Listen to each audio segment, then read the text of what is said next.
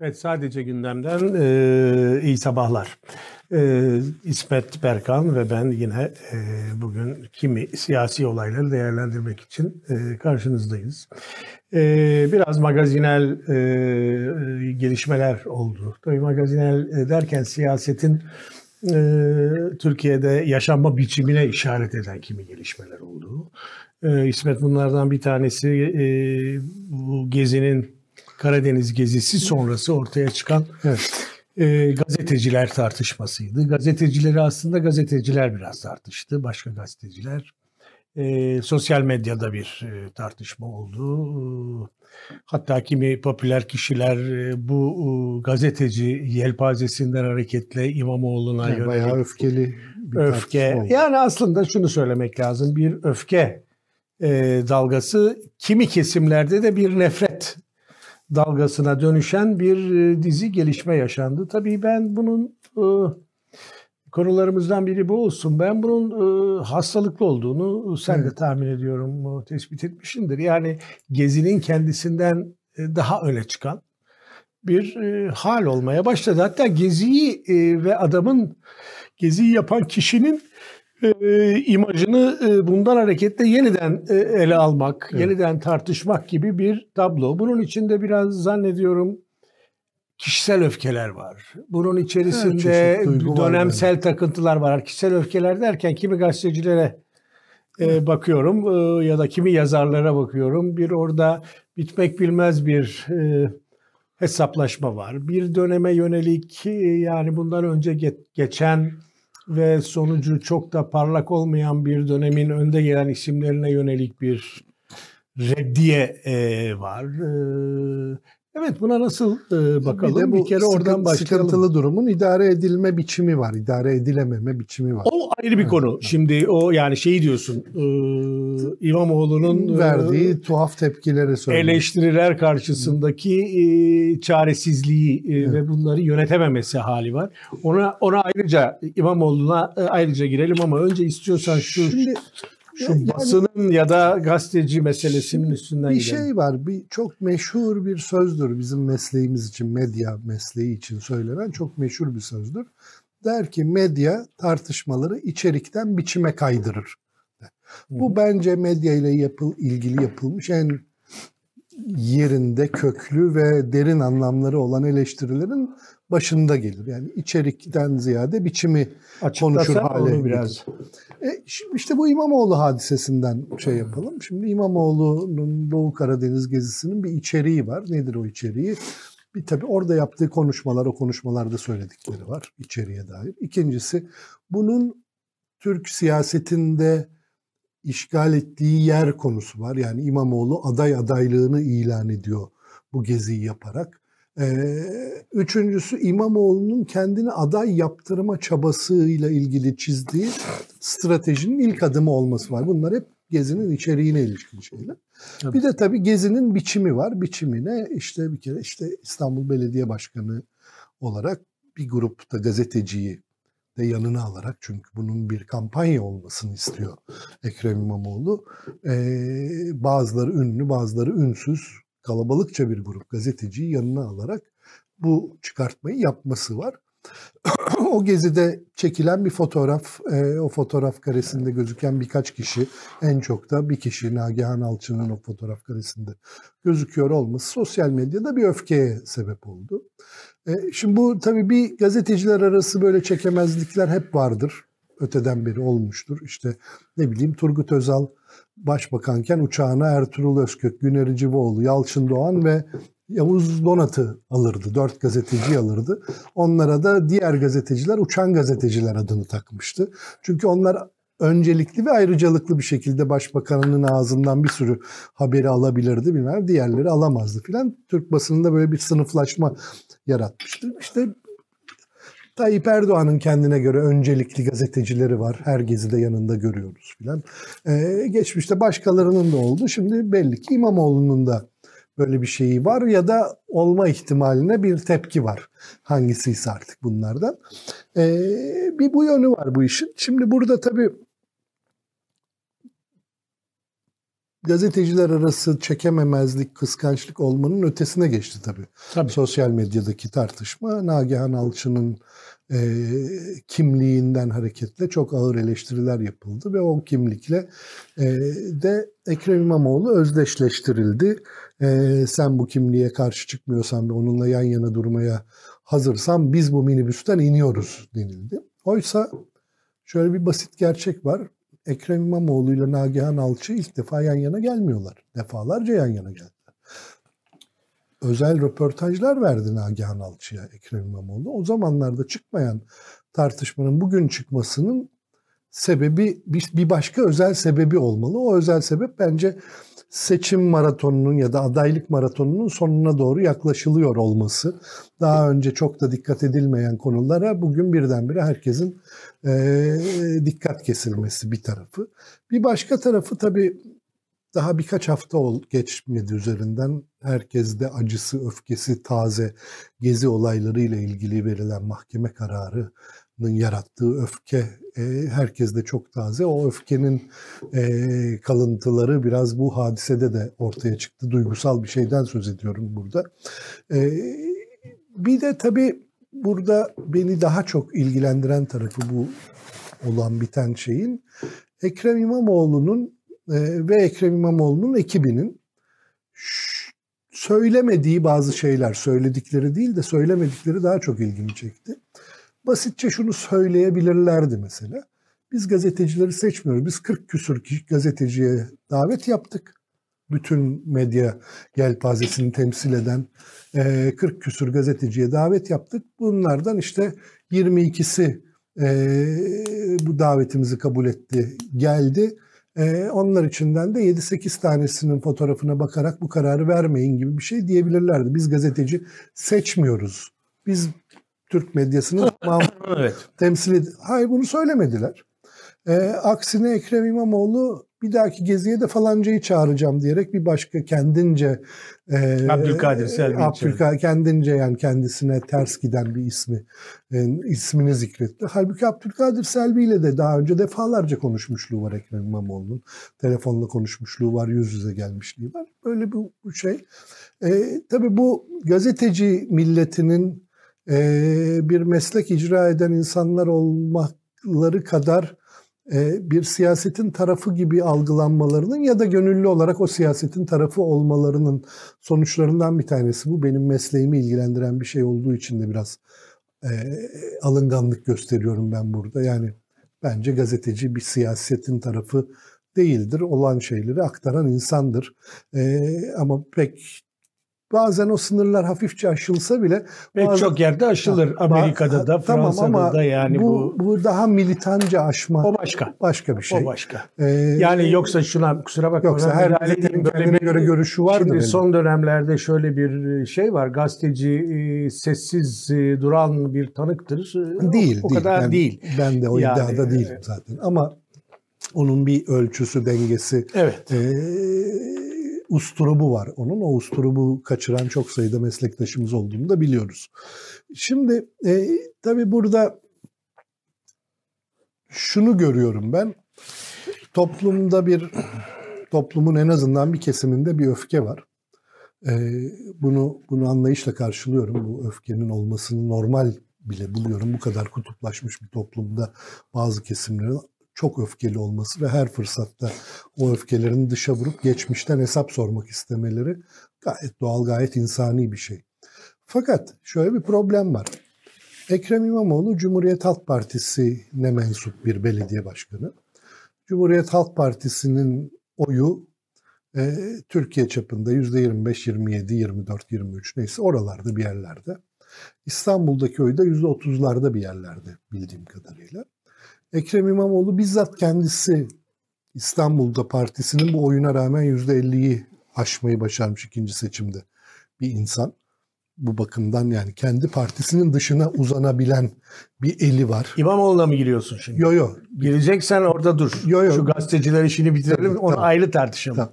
Ee, peki o zaman durayım burada. Orada, Çünkü orada. şundan da yani e, İmamoğlu ile gazeteciler işi karıştığı zaman ikisi de birbirini e, dinleyen açısından evet. senin kafanda öyle olmadığını biliyorum, tahmin de ediyorum ama birbirini hafifletebiliyor. Gazeteciler meselesi şimdi önemli. Bir kere genel olarak ben hem bunun bir tavırla ele alınmasını yani bir tutumla yanlış ya da doğru diyen eleştiren bir tutumla ele alınmasını bu tablonun e, gerektiğini düşünüyorum. Hem de senin e, yaptığın gibi bir analiz boyutu da var. Neden böyle oluyor? Şimdi e, tavır olarak baktığımız zaman hakikaten e, bir toplumda e, siyasetle, siyasetçiyle insanlar arasında, toplumlar, topluluklar vesaireler arasında bağ kuran pek çok araç vardır demokrasilerde. Basın çok önemli bu açıdan. Yani onun için basının e, pozisyon alan, belli bir görüşü savunan nitelikte olması çok şaşırtıcı değildir. Yeterik, yeter ki etik olanı, ahlaki olanı e, ya da gazeteciliğin e, sınırlarını e, alt üst etmesin. E, dolayısıyla bugün tartıştığımız şey e, gazetecinin siyasi tavır ilişkisi ise e, dönüp basına bakmamız gerekiyor. Şimdi basın diye bir şey var mı Türkiye'de? Yok. Şu anda çok az. Birkaç gazete var. E, birkaç internet sitesi var. E, onun dışında imha edilmiş bir alan var.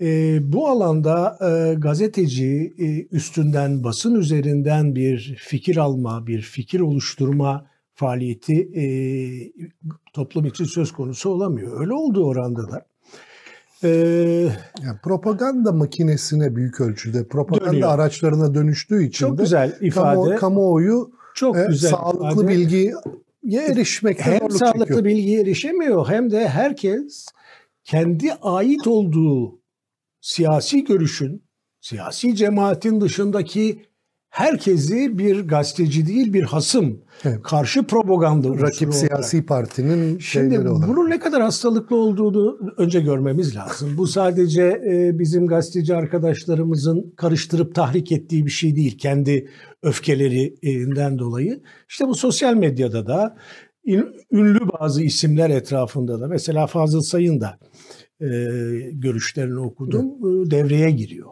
Yani bana ait olan kimdensin, kimlerdensin? E, Şahan Gökbakar da giriyor. Şahan Gökbakar da giriyor. Şimdi aklıma Fazıl Say geldiği için söyledim. E, şimdi bu tabii e, son derece hastalıklı bir tavır. Ondan sonra kişilere gelince şimdi Nagihan'ın adını geçirdin. E, birkaç şey de ben söyleyeyim. Şimdi e, Nagihan Alçı'nın taşıdığı siyasi yük ya da imaj yükü ayrı bir tartışma konusu. Bunu hak ediyor mu, hak etmiyor mu? Gazeteciliğiyle ilgili hiçbir şekilde hak etmediğini düşünüyorum. Nagihan Alçı iyi bir gazeteci. Nagihan Alçı kimsenin gidemediği zaman Ukrayna'ya gitti. Zelenski ile e, veya etrafındaki insanlarla konuştu. Fakat biraz önce söylediğim nedenlerden dolayı o, o kadar büyük ki kadının yaptığı yani gazeteci kadının yaptığı o eyleme bile bir dizi hatırlıyorsun e, kulp takıldı.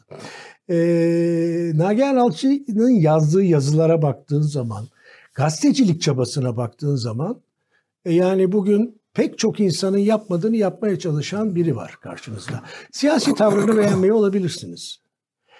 E, her gazeteci köşe yazarı birazcık çikolatadır. Yani sizi tüketirler. Sizin imajınızla ilişki kurar insanlar. Sempati, antipati ilişkisi üstünde yol alırlar. Tabii Nagihan da bunlara maruz kalıyor. Hepimiz maruz kaldık kalıyoruz.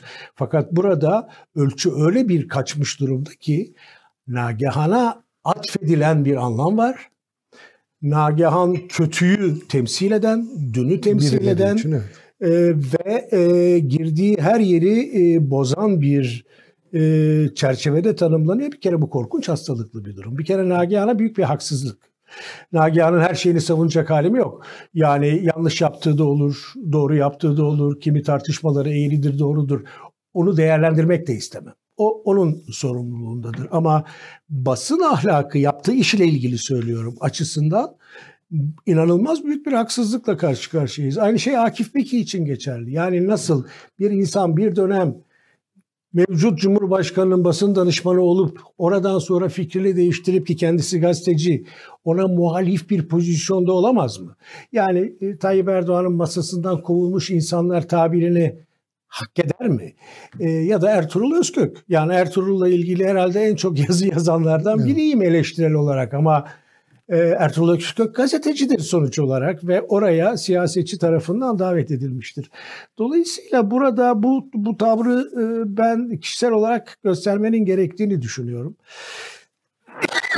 İşin analiz kısmına gelince biraz önce söyledim tabii ee, bir toplumda e, otoriter düzen İsmet e, çok hakim olunca ve bu kadar uzun süreli bir hakimiyet kurarsa bazı kurumları yok edebiliyor ya da tahrip edebiliyor. Basın onlardan bir tanesi. İşte basının olmadığı yerde de toplumun siyasetle, siyasetçi ilişki, siyasetçiyle ilişkileri de otoriter ve popülist düzenlerin öngördüğü şekilde olmaya başlıyor. Somut bir ilişki kuramıyorsunuz hayali bir ilişki kuruyorsunuz. Hayaller ve beklentiler üstünden kişiler arayarak bu hayallerin üstüne onları inşa ederek yol almaya çalışıyorsunuz. ee, bu İmamoğlu ile ilgili mesela bir vaka. İmamoğlu konuşuruz biraz sonra. İmamoğlu'na atfedilen anlam İmamoğlu'nun kendisinden daha önde duruyor. Evet. Ve bu anlam nedir? Benim Beklediklerim ve beklentilerim. Eğer benim beklediklerim ve beklentilerim içerisinde İmamoğlu'nun ters bir hareketi ortaya çıkarsa o zaman bir anda siyasi kriz ortaya çıkmaya başlıyor. Bu aslında bozulmuş toplum siyaset ilişkilerinde toplumun hayaller üretmesi, hayali kimlikler üretmesi ve ürettiği hayallerle bir süre sonra çatışmaya girip krizler yaratması ve bunu işte gazeteciler üstünden, e, insanlar üstünden taşımaya başlaması. Bu hakikaten Türkiye'de e, zaman zaman oldu. E, darbe dönemlerinde vesaire dönemlerinde ama hiçbir zaman toplum siyaset ilişkileri bu kadar kopuk olmadı. Zincir bozan döneminde bile, Hamza Koy döneminde bile yani siyasetçilerin kapandığı dönemde bile. Hap, bir nevi hapse atıldığı dönemde. Hapse atıldığı dönemde bile ne bileyim Demirel'in yazdığı mektuplar metinler ya da Deniz Baykal'ın çıkışları bunların hepsi dolaşırdı. İşte o zaman o zaman sosyal medya yoktu. Sosyal medya yoktu ve basın her şeye rağmen siz Cumhuriyet Gazetesi'ndeydiniz.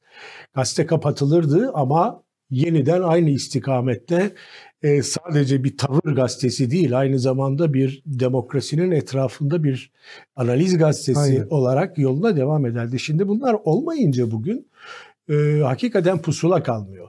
E, muhalif gazetelere baktığımız zaman muhalif gazetelerde aslında iktidarın gazetelerini andıran bir çerçevede hareket ediyorlar.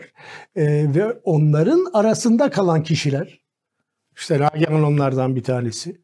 Ben onlardan biri olabilirim. Sen onlardan biri olabilirsin. E, bir yük taşımaya başlıyorlar. Bu yük kendi yükleri değil. Bu yük aslında toplumdaki bu hayali krizin yükü. Bir çeşit hastalığın. Bir çeşit hastalığın e, dışa yansıması. Yani bu gazeteciler konusu açıkçası bu açıdan e, benim canımı çok acıttı. Yani şöyle canımı acıttı. Şahsi olarak bir şeyim yok. Acı nasıl bir hale geldik? Yani, ee, yani diyeceksin ki Ali unuttun mu şu şu dönemleri diyebilirsin. Evet derim ben de sana haklısın derim ama bugün e, işin bu seviyeye inmesi, gazeteciler eliyle inmesi, toplumun elitleri eliyle inmesi, muhalefetteki ana bir dalga şeklinde inem inmesi, bir siyasetçinin işte biçim diyorsun sen, tali bir unsur olarak yanında götürdüğü gazeteciler üzerinden bu tartışmanın yapılması abuk sabuk bir şey. Aynı şeylere biz de başka yerde maruz kaldık. Mesela ben 2014'tü zannediyorum en son Öyle olması gerekir. Çünkü tam şeyin bittiği zaman, barış sürecinin bittiği zaman e, Ukrayna'ya davet etti Tayyip Erdoğan. Ben de Ukrayna'ya onunla gittim. Hatta o uçakta benim sorduğum sorular üzerine barış süreci filanın olmadığını, e, bu Dolmabahçe toplantısının bir rezalet olduğunu söylemişti. Orada bir resim çekildi doğal olarak. E, Türk siyasi gazetecilik geleneğinde olan şey resimde çekilir. O resmi hala benim peşimde dolaşıyor. yani nasıl uçağına binersin, Nasıl ona bu soruları sorarsın? E bunların hepsinin ben hastalıklı olduğu e, kanaatindeyim. Bugün bu hastalık bir miktar dağıtmış durumda. Benim de kanaatim bu. Şimdi gelelim İmamoğlu meselesine. Ben bugün bir yazı yazdım. Evet, çok, güzel, çok e, güzel bir yazı yazdım. Teşekkür ederim. E, ben o yazıda bu gezinin bize bazı şeyler düşündürmesi gerektiğini de söyledim. Aslında bir miktar anlattım da sen önce İmamoğlu'yla başlamıştın. Oradan bir devam et. Şimdi burada burada bir e, toplumda var olduğu kuşku götürmeyen bu işte hastalık olarak da niteleyebilirsin durum. E, başka bir şeye daha işaret ediyor. Yani e, biz tabii böyle her şeyi siyaseti merkezine alarak konuşma arzusunda bir topluma dönüştük. Kaçınılmaz olarak da işte bir yıl sonra seçim yapacağız. O yüzden herkes hem adayı merak ediyor hem siyasetteki her türlü detayı merak ediyor filan. Şimdi şöyle bir şey var tabii. Ekrem İmamoğlu İstanbul'da kendi partisini aşan bir oyu alabilmeyi başarmış bir insan. Evet. Benzer şekilde Mansur Yavaş da Ankara'da Doğru. o oyu açtı. Mesela İzmir'de Tunç Soyer'den çok fazla söz edilmiyor. Çünkü Tunç Soyer partisinin potansiyelini zaten İzmir'i kazanan bir parti CHP o potansiyeli daha geliştirdi. Ama Ekrem İmamoğlu da Mansur Yavaş da CHP'li olmayan seçmenlerden e, ve olmamakta da ısrar eden yani o seçmen Ekrem İmamoğlu'na oy vermiş ve artık CHP'nin seçmeni değil. CHP araştırma yapıldığında hala %30'larda çıkıyor İstanbul'da. Ankara'da hakeza öyle çıkıyor. Ee, bir nevi ödünç oy almayı başarabilmiş diğer seçmenden şeyler. Şimdi önümüzde Cumhurbaşkanlığı seçimi var. Ee, biz ne diyoruz? Ekrem İmamoğlu Haziran 2019'da ikinci kez İstanbul seçimini kazandığı günden beri diyoruz ki Tayyip Erdoğan'ı iki kere üst üste yenen tek insan. Ee, o yüzden büyük ihtimalle Cumhurbaşkanı adayı da odur diyoruz. Ha, olmalıdır diyenlerimiz çok fazla. Olmalıdır diyenler de var da ben hadi yani Sen siyasi, siyasi gözlemcilerden evet, söz edeyim. Onlar evet. herhalde bu olacak filan diye düşünüyorlar. İşin enteresan Ekrem İmamoğlu da öyle düşünüyor. Kendisinin bu şeyde olduğunu düşünüyor. Bunu da belli ediyor 2019'dan Aynen. beri.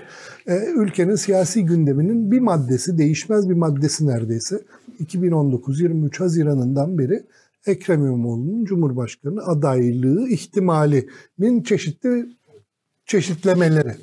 Şimdi e, tabii Ekrem İmamoğlu veya her kim olacaksa e, muhalefet cephesinden ister CHP'li olsun, ister İyi Partili, ister DEVA Partili, ister gelecek kim olursa olsun yani. Cumhurbaşkanı adayı olacak kişi seçilmek istiyorsa kendi partisinin eğer CHP'li ise en az iki katı ee, İyi Partili ise en az 3,5 katı. Efendim Deva Partili ise en az 25 katı filan gibi oylar almak zorunda. Yani kendi mensubu olduğu siyasi anlayışın çok ötesine geçen bir koalisyonu, seçmen tabanında bir koalisyonu oluşturmak zorunda. Bu sık sık unutulan bir şey Türkiye'de. Yani e, özellikle CHP'liler sık sık unutuyorlar bu durumu. Yani bizim oyumuz %25 ama biz ülkeyi yönetmek istiyorsak yüzde elli oy alan bir aday çıkartabilmeliyiz cümlesini unutuyorlar sık sık ve yüzde yirmi beş oyla yüzde elli almış gibi e, hakim olabileceklerini düşünüyorlar. Bu tabii Türk siyasetinin değişmez, uzun süreli e, bir problemi var. Ben ona ahlak savaşı diyorum. Sen başka şey isim, isim koyabilirsin hı hı. neyse.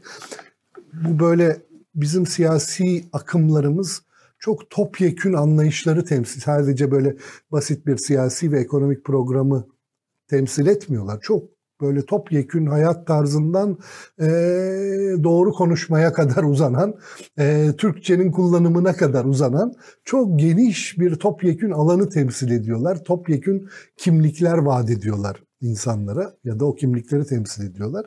O yüzden de ülkemizde hayat tarzı başta olmak üzere çeşitli konularda ahlaki savaşlar devam ediyor aslında. E, şimdi AK Parti döneminde yaşıyoruz son 20 yıldır. İşte on, bak daha dün e, İçişleri Bakanı yine tek parti dönemine ilişkin bir takım şeyleri hatırlatmaya kalkıştı. Cumhurbaşkanı hakeza aynı şekilde filan. Bu savaş bitmeyen bir şey. Yani geçmişte yaşanmış hadiseler bile güncel durumun bir parçası gibi algılanıyor Türkiye'de. Şimdi böyle olunca da eğer iktidar değişecekse Türkiye'de kaçınılmaz bir şekilde geçmişte o iktidara oy vermiş olan yani AK Parti'ye oy vermiş olanlar arasında da bir kısım insan kaygılanıyor. Acaba bir tepkisel, rövanşist bir iktidar uygulaması olur mu iktidar değiştiğinde diye. Şimdi bu Ekrem İmamoğlu'nun gezisini takip eden işte Nagihan Alçı bağlamında yapılan tartışma bütün o kitleye bunu hatırlattı. O kitle bu tartışmanın hiçbir yerine katılmadı ama Hı hı. Bu tartışmayı izledik. Herkesin gözünün önünde olduğu, kaçınıl, kaçınamayacağınız bir tartışma oldu. Yani bazı şeyleri görmeden geçiyor gidiyor. Bu görülemeyecek gibi bir şey değildi. Şimdi o kitle acaba ne düşündü? Yani bir rövanşizm gördü mü burada, görmedi mi? Ve bu CHP ve Ekrem İmamoğlu açısından ikisi için de ayrı ayrı son derece sakıncalı bir görüntü değil mi? Bu görüntüyü çünkü 2017'den beri bu görüntüyü yok etmeye çalışıyor CHP. Biz rövanş almayacağız. Evet. Ee, biz helalleşeceğiz e, diyor CHP. Fakat bu çıkan görüntüyü düzelteci hiçbir çok, harekette bulunmadılar. Çok, çok doğru bir tespit bence. Bu bir bu birinci gözlem. Şimdi bu işin siyasete yansıyan tarafı. İkincisi bu hakikaten yani senin dediğin gazeteci meselesiyle bu buraya bağlayınca e, bu ikisini bir araya getirmeye çalışınca çıkıyor o. E, şimdi tabii Türkiye'de belki bir de Amerika'da bu kadar yaygın. İşte İngilizce'de cancel culture deniyor. E, bir, bir liberal ahlak var Amerika'da. Liberal derken bizim burada anladığımız anlamda anlamayalım. Amerika'nın liberali Amerika'da solcu demek. E, sosyalizme kadar varan solculara. Özgürlükçü diyelim belki yani, daha. Onlara da progresif ilerlemeci deniyor. Derler ilerlemeci derler. Evet. evet. Şimdi e, yani solcu ahlakı var Amerika'da. O ahlakın bir benzeri Türkiye'de de var.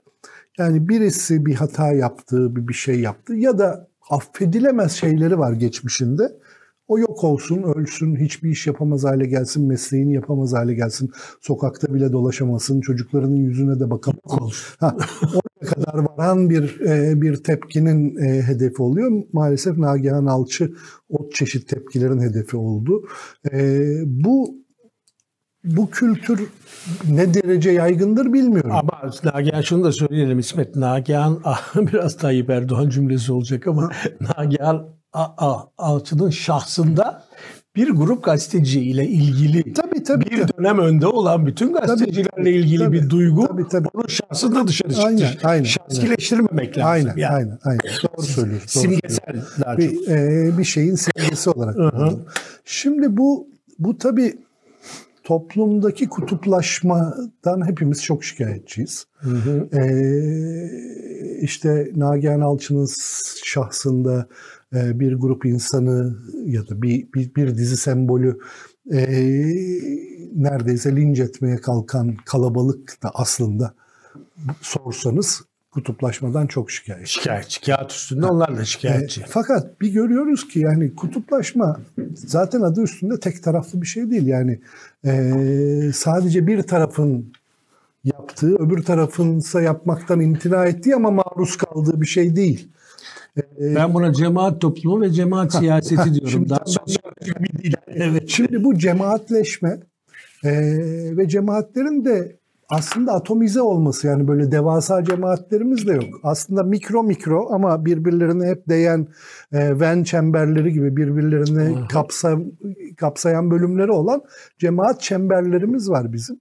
Ve bu cemaat çemberleri yönetmeyi çok zorlaştırıyor önümüzdeki dönem Kesinlikle. için. Şimdi tekrar CHP, Ekrem İmamoğlu ve en genel haliyle muhalefete geri döneceğim.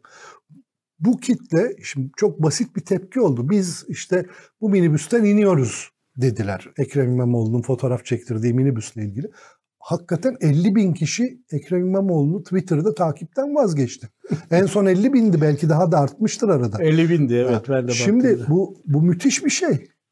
Bundan buna buna duyarsız kalmak da imkansız Ekrem İmamoğlu onun açısından. Onun için konuşuyoruz zaten yani sırf Şimdi, İmamoğlu değil bu, Türkiye bu açısından. Hakikaten, bu, bu hakikaten yani yepyeni bir siyasi durum demek.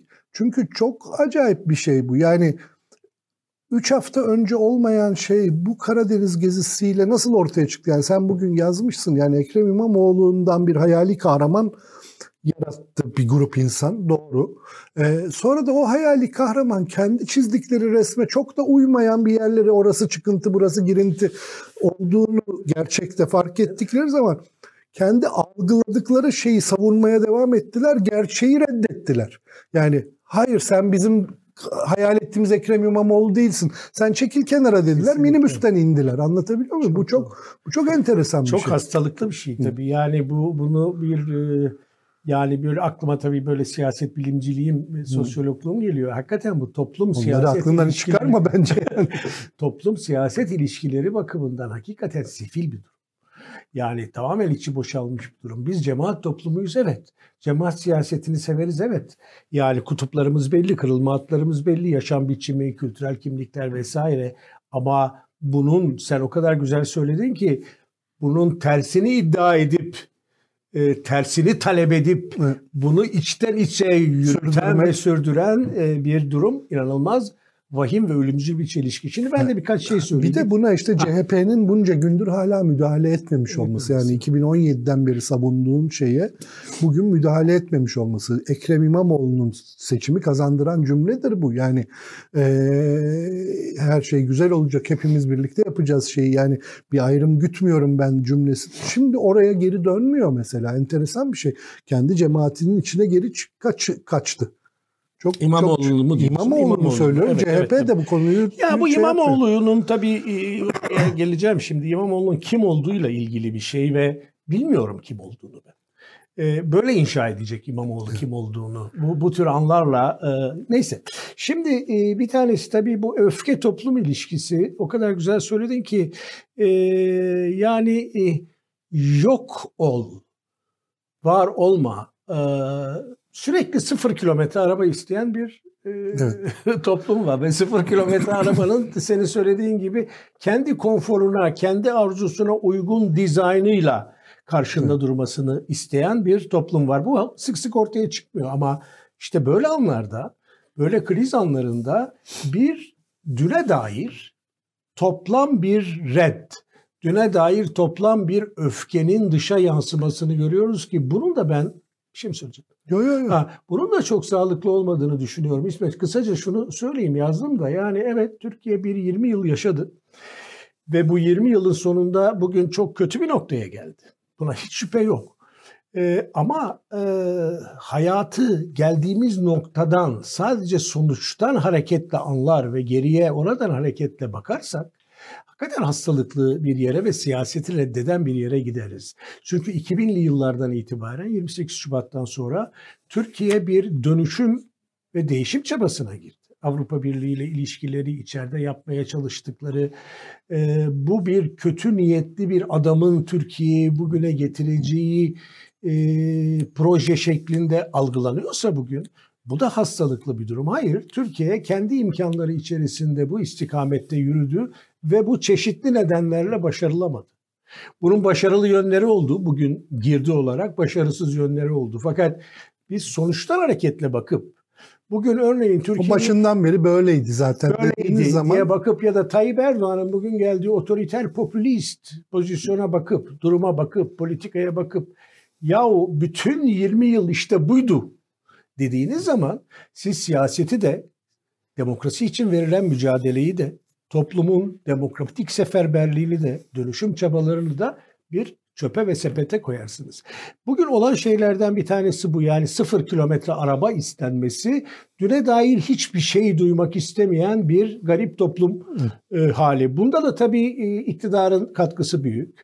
Hiç şüphe yok ama basınsızlık, tartışmasızlık, kamusal entelektüel yokluğu, sadece pozisyon kavgası yapan bir takım karşılıklı trollerin varlığı e, bunu birazcık daha tahrik ediyor diye düşünüyorum. İkincisi şu, e, yani onu yazdım ve bunun çok e, başka ülkelerde de böyle olduğunu görüyorum, izliyorum. Popülist iktidarlar e, kendilerine benzer muhalefet formları üretiyorlar. Yani umutlar uzun sürüyorsa o popülist iktidar bir ülkede, popülizmin bütün özellikleriyle, kurumları imha etme, kişilere yüklenme filan, e, muhalefet formları da buna benzer bir Ona şekilde e, doğmaya başlıyor. Yani şahıs merkezli, kurum ötesi, program ötesi, e, toplumsal politika e, ya da toplum politika bağı ötesi bazı tablolar ortaya çıkmaya başlıyor ki Türkiye bunun tam karşısında. Yani bu yolda mı ilerleyecek, bu yolda ilerlemeyecek mi, muhalefet bunu mu seçecek, seçmeyecek mi ya da seçerse e, bir tanesinin ne tür sonuçlar olacak bunları hep tartışıyoruz. Ama kabul edelim ki biz kendimizi doktor saysak bir hastaysa karşımızda yatan böyle bir e, hastalık emaresi var ortada. E, çok benzerini üretmeye başlıyor. Şimdi İmamoğlu Mansur meselesi buna benziyor. E, Mansur örneğin kim Mansur? Bilmiyorum. Ben sesini duymadım galiba. duymadım. Yani ses tonunu şurada konuşsa bu Mansur'dur diyemem. E, Ankaralı değilim. Yani İmamoğlu'nun hiç olmazsa süt dağıtmasını, kreşlerini falan falan duyuyorum, izliyorum, görüyorum. Hiçbir bilgiye sahip değilim. Şimdi Mansur ve e, İmamoğlu. İmamoğlu biraz daha farklı bir performansa sahip. Senin söylediğin gibi iki seçim kazandı. Binali karşısında kazandı. Farklılıkları bir araya getirdi. Çatışmanın karşısında duracağını söyledi. Ceketini güzel attı kürsüde. Daha sonraki polemiklerde ulusal e, siyasete mesajlar vermeye çalıştı. Ama bunun ötesinde bir durum yok. Her ikisi de herhangi bir kurumsallığı, kurumsal ya da sistematik programı, politikayı ifade etmiyorlar. Her ikisi de Erdoğan'ı yenme ihtimali olan şahıslar. Şahısı ifade ediyorlar ve e, şahısı ifade ettikleri oranda onların politikaları atıflarla hayallerde oluşturulmaya başlanıyor. Şimdi ne diyebiliriz Mansur için? İşte Mansur MHP kökenlidir. Devleti bilir, devlet adabını bilir. Çok da öne çıkmıyor. Ee, mevcut devlet onu sever. Ee, eğer Kılıçdaroğlu aday olmayacaksa e, diğer partiler bunun üstünde uzlaşabilirler filan gibi böyle garip bizim eski bildiğimiz ara formlar şeklinde bir siyaset. Nerede hayali üretilen şeyler aslında. Ve sonuç olarak hepsi iflasla biter. Hepsi krizle biter. Hiçbir şey dizayn edilemez. Siyasetin sahici olması böyle bir şey değildir. Şimdi İmamoğlu ile ilgili aynı şey. İmamoğlu e, dediğim gibi yenen kişi arayışı içerisinde İmamoğlu ile ilgili öyle bir fikir oluşturulmuş ki İmamoğlu gerçek siyasete başladığı zaman Rize ya da Karadeniz ilk ciddi adımıydı bence. Geçen evet. hafta sen söyledin kampanya standa, startı verdi dedin. Evet. Tamamen katılıyorum. Daha öncekiler polemiklere cevap, ne bileyim Ahmet Türk'ü ziyaret vesaire vesaire yani buradayım. Ama bu sefer sahaya çıktı. Basınla çıktı. Şunu yaptı bunu yaptı açıklamalarıyla çıktı. İşte şimdi gerçek İmamoğlu ve siyaset ilişkisinin başladığı an eğer böyle devam edebilecekse onu ancak orada görüp deneyebiliriz. Daha ilk adımda tökezledi. Daha ilk adımda tökezledi. Mesela o konuyu konuşmadık sana vereyim orada topu. Şimdi bütün bunlar yaşandı. Peki. O eleştiriler karşısındaki aciz tutumu nedir? Yani akıllı olun lafı nedir? Ee, Hrant Dink'in katillerinin kelimesi olarak yakın tarihte belleğimizde aklımızda kalmış bir kelime. Orhan Pamuk'a o Yasin denilen adamın sarf ettiği kelime, üstten konuşma, e, yani eleştiriyi bile yönetemeyen bir tablo karşımıza çıkmaya başlıyor. Dolayısıyla burada sorun sadece bu hastalıklı toplumsal zihniyetimizin değil, siyaset forumumuzun da hastalıklı olduğunu gösteriyor. Eğer bu böyle giderse muhalefet çok sıkıntılar yaşayacak. Yani yaşayacaktır derken daha bu tartışmalar çünkü durmuyor İmamoğlu. Sonuç olarak e, kendi bence, adaylık zemininin üstünden gitmeye çalışıyor. Bence sadece sadece bugünkü muhalefet değil yani yakın görünür gelecekte bu anayasal sistem devam ettiği müddetçe e, biz bu şahıslaşma e, sorununu yaşayacağız. Kesin, bir an için doğru. bir an için hayal edelim. 2023'teki seçimde diyelim ki AK Parti %32-33 aldı bugün anketlerin gösterdiği gibi. E, sonra 2028'de bir seçim daha oldu. Tayyip Erdoğan adayı olur ya da olmaz AK Parti'nin. Bunun önemi yok. Kim olursa olsun %33'ün adayı. Dolayı yani bugün CHP'nin adayının Anladım. problemi ne olacaksa o günde Ay, İsmet, onun problemi olacak. da şöyle bir ihtimal de yok mu? Yani evet en büyük sorunumuz bu ve bunu anayasal sistem ya da seçim sistemi de biraz Hayır, dayatıyor yani... ama diğer taraftan mesela altılı masaya bakalım. Altılı masanın önünde iki tane alternatif var. Yani gözleyebildiğimizi söylüyorum. Bunlardan bir tanesi bu. Kaçınılmaz olarak bu istikamette gitmek. İkincisi ya bir dakika durun. Biz bir program yapacağız e, formel yani anayasaya uygun olmayan bir e, koalisyon üreteceğiz ve Türkiye'yi bu en formel yapıda ama formel ve yasal çerçevede bu çerçevede yöneteceğiz. Bu, tamam, bu, tamam ama geri dönüş anca böyle mümkün burada, çünkü. Burada kendi içinde bir çelişki var hala da. Yani bu Cumhurbaşkanlığı sistemine geçiş Türkiye'de partileri iktidardan uzaklaştırdı. Kesinlikle. Partiler siyaset yapmaya devam ediyorlar ama iktidar fikrinden uzaktalar artık. Doğru.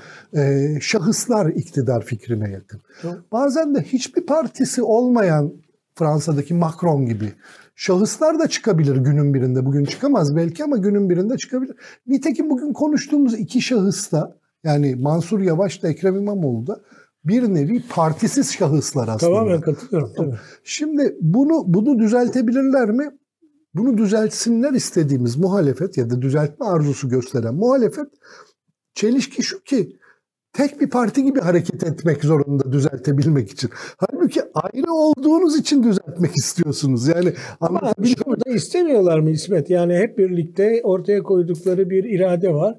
Parlamenter sisteme geri dönelim. Yani bu bizim söylediğimiz mahsurlardan uzaklaşalım. Şimdi o zaman bir tarihi bir nasıl diyelim bir iktidar bloğu üretmek zorundalar. Bu mümkün. Türkiye'de hiç olmadı bu. Şimdi, Bundan sonra olur mu bilmiyorum burada, ama neden olmasın? Burada geçenlerde de böyle Ali Babacan'la böyle bir tartışma ortamında benzer bir şeyi konuştuk. Ben o görüşü beyan ettim. Burada tekrar edeceğim onu. Ee, Şimdi bu altı lider istiyorlar ki ya içlerinden biri aday olacak ya da dışarıdan bir yedinci kişi aday olacak. Bunu bilmiyorum. Bilmiyoruz. Ee, her kim aday olacaksa masadan biri ya da dışarıdan biri onun eline mümkün olduğu kadar ayrıntılı bir program verelim. Hükümet programı gibi bir koalisyon programı verelim. Ee, şimdi bu bir çelişki yaratıyor. Ee, halbuki bir de o aday var. Yani o aday gidecek şahsına oy isteyecek. Meydan evet. meydan dolaşacak. Ben de dedim ki ya öyle yapmasanız da yani daha genel bir çerçeve sunsanız bu çerçevenin dışına çıkma kardeşim ama o çerçevenin içinde şahsi şeylerini belli et. Den bir kendine ait bir programın olsun deseniz daha iyi olmaz mı? Olur olmaz filan bu tartışma oldu. Şimdi bu hakikaten çelişkili bir durum. Yani bir yandan biz bir şahsa bir anayasa öyle gerektiriyor. Gel bizi 5 yıl boyunca yönet kardeşim. Üstelik kimseye de hesap vermeden yönet. Ee, meclisle işbirliği yap ya da yapma. Ama kimse senden hesap soramaz. İstediğini bakan yaparsın, istediğin uygulamayı yaparsın. Sıkıştığın yerde Cumhurbaşkanlığı kararnamesi çıkartırsın. Yarı yasa niteliğindeler hmm. onlar. Al yönet diyor oy vereceğiz. Ama o kişi ipleri dışarıdan idare edilen birisi olacak. Ee, yani böyle tarif ha. etmesen de olur tabii. Tamam. tabii. Doğru böyle böyle tarif edersen eğer böyle olacaksa Şimdi, çok vahim. Ha. Ama olmaz. ben onu söylüyorum. Yani seçmen ona oy vermez. Bunu Yok. fark ettiğin yani Ekmelettin İhsanoğlu'na kimse oy vermez. vermez. Anlatabiliyor muyum? Kemal Kılıçdaroğlu'na daha çok oy verir. Evet. Ekrem İmamoğlu'na daha çok oy verir. Ee, ama ne bileyim Ekmelettin İhsanoğlu'na işte %34-35'te kalır o. Ee, evet benim korkum daha büyük. Senin bu söylediğinden yola çıkayım sonra başka bir alternatifine geleceğim senin söylediğinin. Ee, eğer e, kamuoyu baskısı bir de kamuoyu araştırmaları baskısı diye bir şey var. Yani evet. biz bir fikir sahibi olmadığımız için e, kamuoyu araştırmaları bize diyor ki bak sen böyle düşünüyorsun o zaman şu şekilde Ama hareket peki, et. Tamam. yani onun yönlendirdiği bir onların yönlendirdiği bir çerçeve var. Bu da hastalıklı neyse. Ee, eğer bu baskılar içerisinde senin söylediğin olursa yani bir kişi bir şahıs e, Mansur ya da İmamoğlu e, diyelim en yakın onlar e, belli bir programı uygulamak üzere e, Cumhurbaşkanı olurlarsa ve senin söylediğin çelişki çerçevesinde seçimden sonra işler istendiği gibi gitmezse yani o yetkiye sahip kişiyle o kişinin önüne konulan program zaten e, bir çelişkinin kendisi. Hayır ben öyle değil böyle yapıyorum derse e, o kişi ve e, bu seçimi kazanan muhalefet Türkiye'yi yönetemezse. Kaosa yol açarsa benim korkum odur ki e, pek çok ülkede olduğu gibi daha yakınlarda Filipinler'de başka türlü oldu. Evet, bir diktatör gitti. Onun desteklediği başka bir diktatör geldi. Şimdi Tayyip Erdoğan %65 ile geri gelebilir. %65'i bilmem ama geri gelebilir. Yani onu ben abartılı söylüyorum ki e, tahrik edeyim diye. Yani e, şimdi bu değil bizim sorunumuz. Bizim sorunumuz sadece Erdoğan'ı uzaklaştırmak değil. Eğer Türkiye'de muhalif kesim açısından bizim diyorum çünkü ben de öyle düşünüyorum. E, sorun onun hem uzaklaşması hem ondan sonrasının gerçekten mümkün olduğu oranda Türkiye'nin tarihsel belirleyenlerinin imkan verdiği oranda demokratik düzene geri dönülmesinin imkanlarını kurmak lazım. Ben bu şahıslarla bu işin çok riskli olduğunu düşünüyorum. Kazanabilir mi? Kazanabilir tabii. Yani bugün anketler doğru söylüyorsa evet yani çok önde gidiyor olabilir. Ee, Kürt oylarının ne yapacağı vesaire bunların hepsi önemli ama burada temel meselenin şu olduğunu düşünüyorum. Ben e, örneğin Kılıçdaroğlu'nun aday olmasını şu anda diğerleri dışında en çok akla gelen, kendisini de öne süren kişi o. E daha e, nasıl söyleyeyim izlenebilir, görülebilir, sezilebilir, bu programı uygulayabilir, kişiliği itibariyle de denenmiş, buna uygun biri olduğu kanaatindeyim. Şimdi buradaki asıl çelişki şu. Bu doğru bir yol fakat bu yol Tayyip Erdoğan'ı yenme yolu olmayabilir. Tayyip Erdoğan'ı yenme yolu diğeri olabilir. Eğer bu çelişkiyi biz aşamazsak ve zorlayamazsak hakikaten büyük bir e, çıkmazdayızdır bence, diye düşünüyorum. Bence Onun sorunu, için sorunu sorunu birazcık da yanlış tanımlamaktan, muhalefetin de yanlış tanımlıyor olmasından e, kaynaklanan bir problem de var burada. Türkiye'nin sorunu Tayyip Erdoğan'ı yenmek, Tayyip Erdoğan'dan tırnak içinde kurtulmak değil.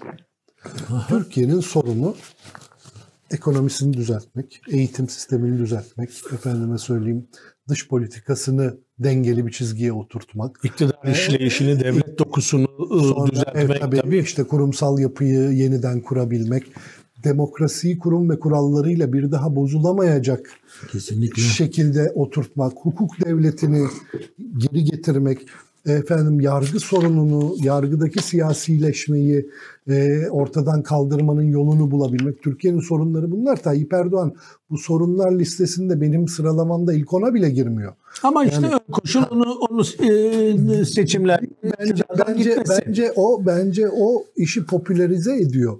Ama muhale ve ama şeyi de odağı da kaydırıyor e, muhalefet açısından da bizim gibi analizciler açısından da odağın kaymasına Kesinlikle. sebep oluyor. Yani ha o zaman Tayyip Erdoğan'ın yerine kim gelir? Ha Ekrem onu yenebiliyor, Ekrem gelir diyorsun. Geri kalanını hiç konuşmamaya başlıyor. Çok doğru. Bir şey daha var konuşmadığımız İsmet. Şimdi bugün öyle bir e, sistem var ki sadece sistem değil öyle fiili bir durum var ki yürütmenin başındaki kişi senin söylediğin biraz önce sıraladığın güce sahip. E, yürütmenin de patronu. Yani ama yürütmenin patronu olmadığı anda o. Ne demek bu? Pardon özür dilerim. Yasamanın patronu. Hı. Yasamanın patronu olmadığı anda yani yasama meclisinde çoğunluğu elde etmediği andan itibaren bugünkü Türkiye'de yaşıyor olmayacağız. Şimdi parlamentonun yetkileri çok güçlü değil gibi e, gelebilir. Parlamento sahip çıkabilir yetkilerine. Yetkilerine sahip çıktığı zaman mekanizma başka türlü çalışmaya başlayabilir.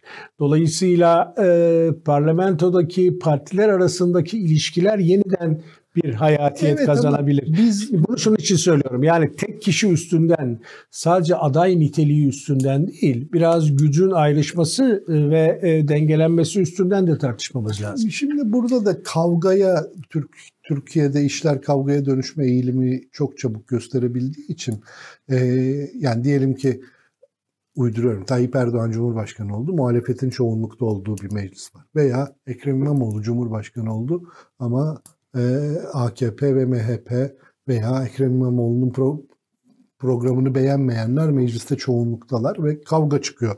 Mecliste Cumhurbaşkanı arasında sürekli kavga var. Biz bunu yaşadık. Ne zaman yaşadık? 90'lı yılların başında e, Turgut Özal Cumhurbaşkanı e, iken SHP-DYP koalisyonu varken bunu yaşadık. Meclisle Cumhurbaşkanı arasındaki itiş kakışı. Benzer bir şeyi meclisle Cumhurbaşkanı arasında AK Parti'nin ilk döneminde Ahmet Necdet Sezer'in Cumhurbaşkanlığı döneminde yaşadık. Cumhurbaşkanı her şeyi veto ediyordu filan.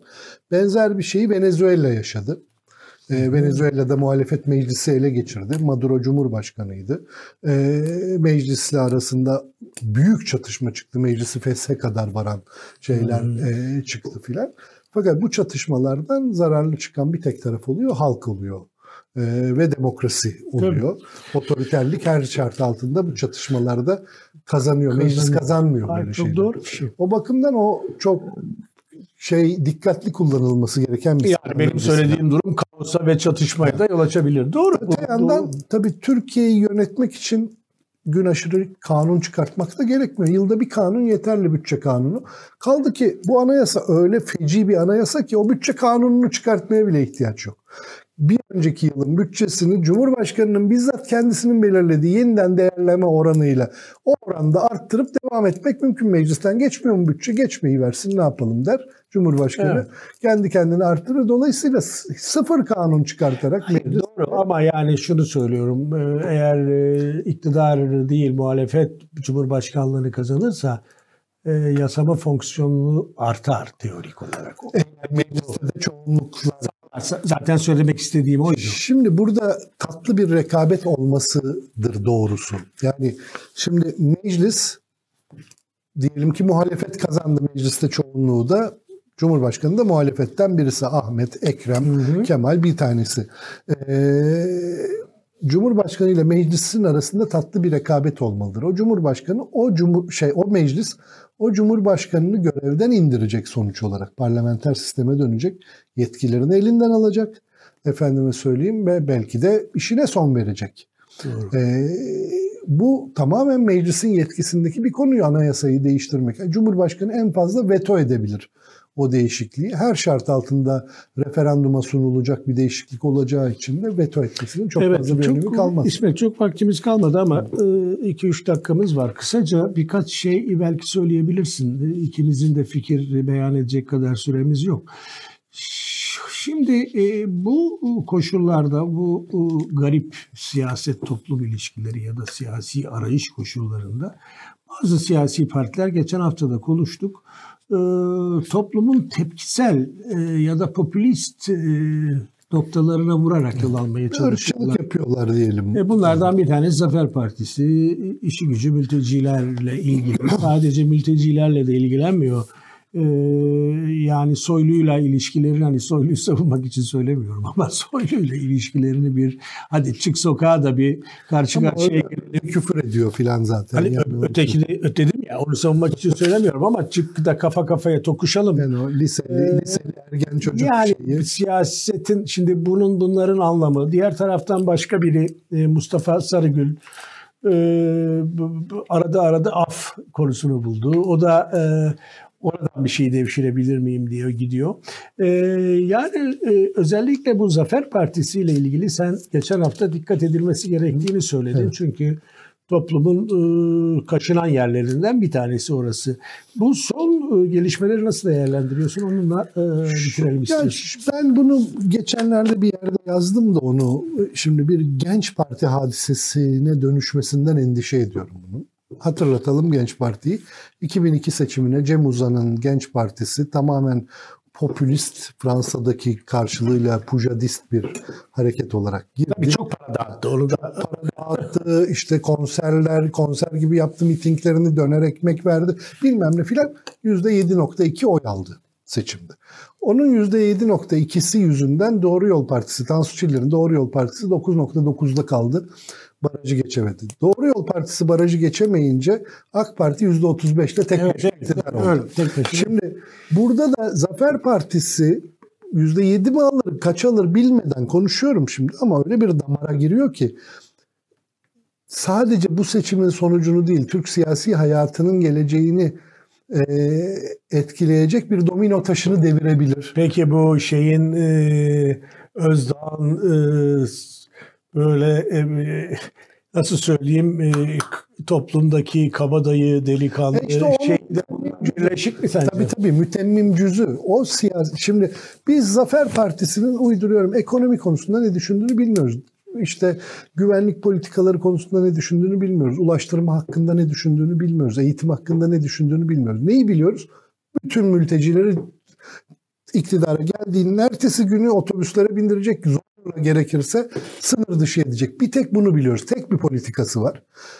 Böyle kalmaya da devam edecek. Diğer politikaları olsa bile biz onları hiç merak etmeyeceğiz. Açıp bakmayacağız bile kapaklarını. E, bu politikaların doğal tamamlayıcısı kabadayı vurduğu şey yapar. Hiçbir hakarete gelemez.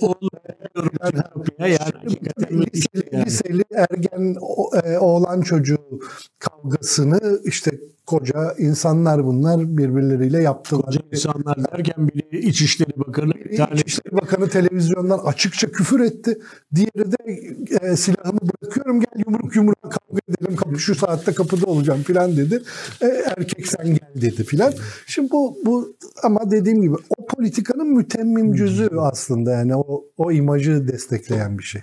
Aslında bir tek şeyi söyleyeyim söylemeyeceğim dedim ama Tabii son derece antipatik, itici ve tedirginlik verici bu Ümit Özdağ'ın tutumu ama siyasi iktidarın iktidarın gücü altındaki tavırları da bu zaten. Evet. Yani e, bugüne kadar e, erkeklerse yürüsünler diyen HDP'lilere bir İçişleri Bakanı var. Tabii bu bunun karşılığı e, var mı? E, göreceğiz seçimlerde. Evet bugün de istiyorsan burada da noktalayalım. E, önümüzdeki hafta tekrar birlikte olmak üzere. İyi günler.